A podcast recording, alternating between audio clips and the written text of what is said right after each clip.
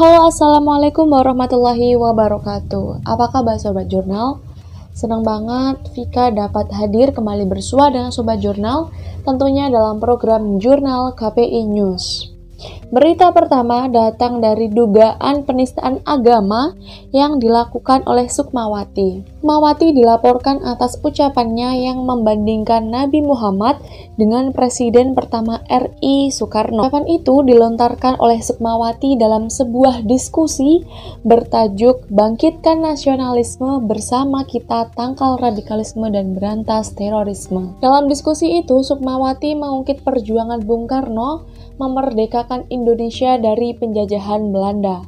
Diskusi itu digelar di Gedung The Tribata Dharma Wangsa, Jakarta Selatan pada 11 November lalu. Dalam diskusi itu, awalnya Sukmawati berbicara tentang perjuangan Indonesia merebut kemerdekaan RI dari jajahan Belanda. Kegiatan itu digelar dalam rangka memperingati Hari Pahlawan 10 November 2019. Pati kemudian melontarkan pertanyaan kepada forum, yang mana pertanyaannya adalah yang berjuang di abad 20 itu yang mulia Nabi Muhammad apa Insinyur Soekarno untuk kemerdekaan. Namun dari pertanyaan Sukmawati itu tidak ada yang menjawab pertanyaan itu satupun dalam forum tersebut.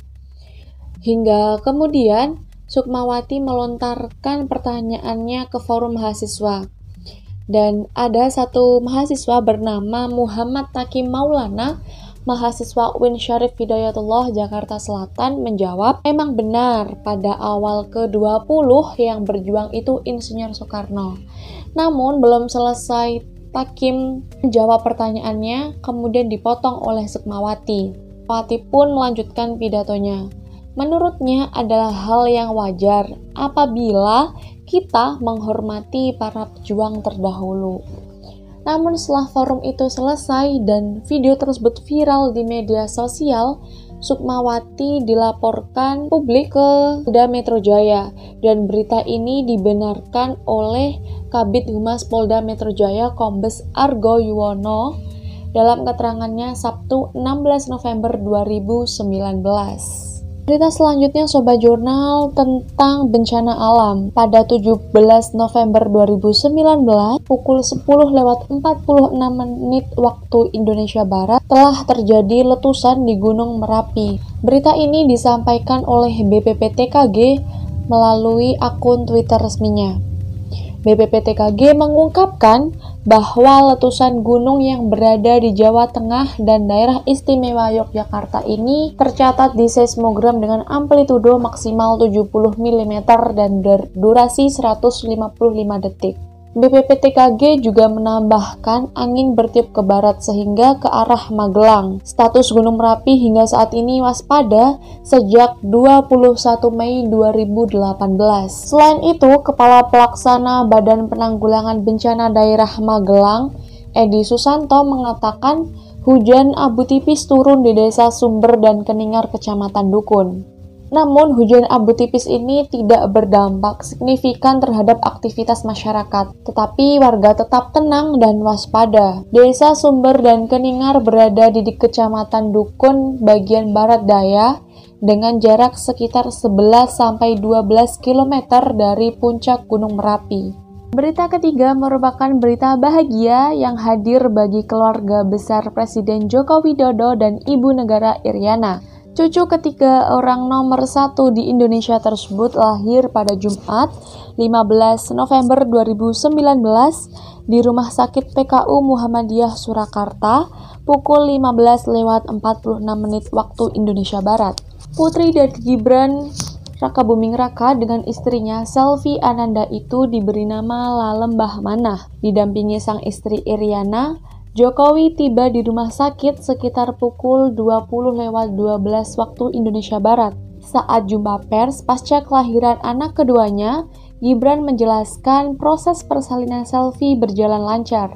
Dokter yang menangani persalinan selfie, Dr. Sofin Arfian, menambahkan persalinan selfie dengan cara operasi. Anak kedua Gibran, Lembah Mana, lahir dengan berat badan 2,92 kg, panjang 46,5 cm, dan lingkar kepala 31,5 cm.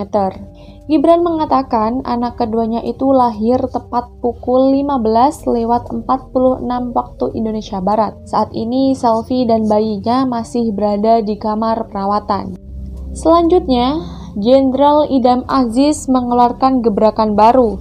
Dia memerintahkan seluruh anggota Polri tidak bergaya hidup mewah atau hedonisme dalam kehidupan sehari-hari. Perintah Kapolri tersebut dituangkan secara resmi dalam surat telegram rahasia nomor ST garing 30 garing 11 garing HUM 3.4 garing 2019 garing Divopropam tanggal 15 November 2019. Dalam TR tersebut, setidaknya ada tujuh poin yang diserukan kepada seluruh anggota Polri. Pertama, anggota Polri tidak menunjukkan dan memakai atau memamerkan barang mewah dalam kehidupan sehari-hari, baik dalam interaksi sosial di kedinasan maupun di area publik. Sigit menjelaskan bahwa perintah tersebut berlandaskan UU nomor 2 tahun 2002 tentang Kepolisian Negara Republik Indonesia Peraturan Pemerintah Nomor 2 Tahun 2003 tentang Disiplin Anggota Kepolisian, Peraturan Kapolri Nomor 14 Tahun 2011 tentang Kode Etik Profesi Kepolisian, dan Peraturan Kapolri Nomor 10 Tahun 2017 tentang kepemilikan barang yang tergolong mewah.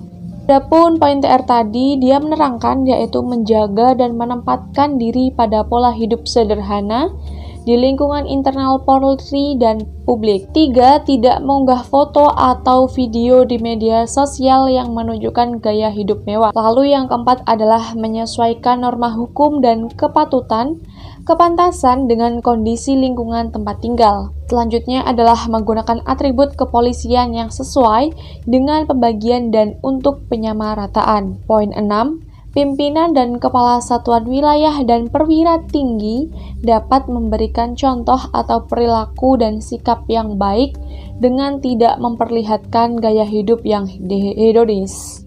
Berita terakhir Sobat Jurnal mengenai heboh asteroid tabrak bumi bulan Desember. Belum lama ini dikabarkan oleh media asal Inggris Express bahwa ada ancaman besar asteroid yang berpotensi menghantam bumi pada sekitar akhir Desember. Asteroid terror NASA spot mammoth space rock to hit Earth orbit 5 days before Xmas, gitu judulnya, bahwa NASA memantau asteroid sebesar gedung pencakar langit yang bakal menumbruk planet ini lima hari sebelum Natal. Disebutkan bahwa asteroid besar itu bisa saja amat merusak dan membawa manusia pada kepunahan. Tak heran jika kemudian netizen cukup banyak yang cemas mendengar kabar tersebut. Terlebih kemudian ada beberapa website lain yang turut pula mengabarkannya.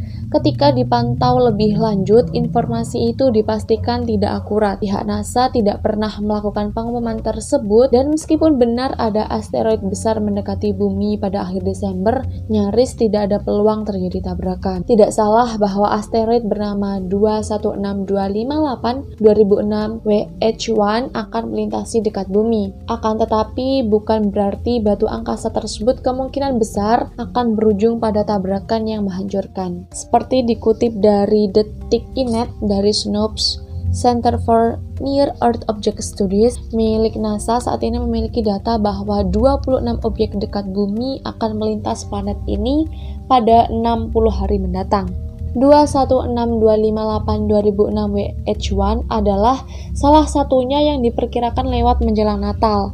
Namun pada saat itu pun jaraknya masih sekitar 3,6 juta mil artinya ia tak akan merusak bumi. Lindley Johnson selaku Planetary Defense Officer NASA juga menyebutkan tidak ada yang perlu dikhawatirkan lantaran asteroid itu tidak berbahaya bagi bumi. Namun terlepas itu semua mudah-mudahan tidak ada yang terjadi ya Sobat Jurnal.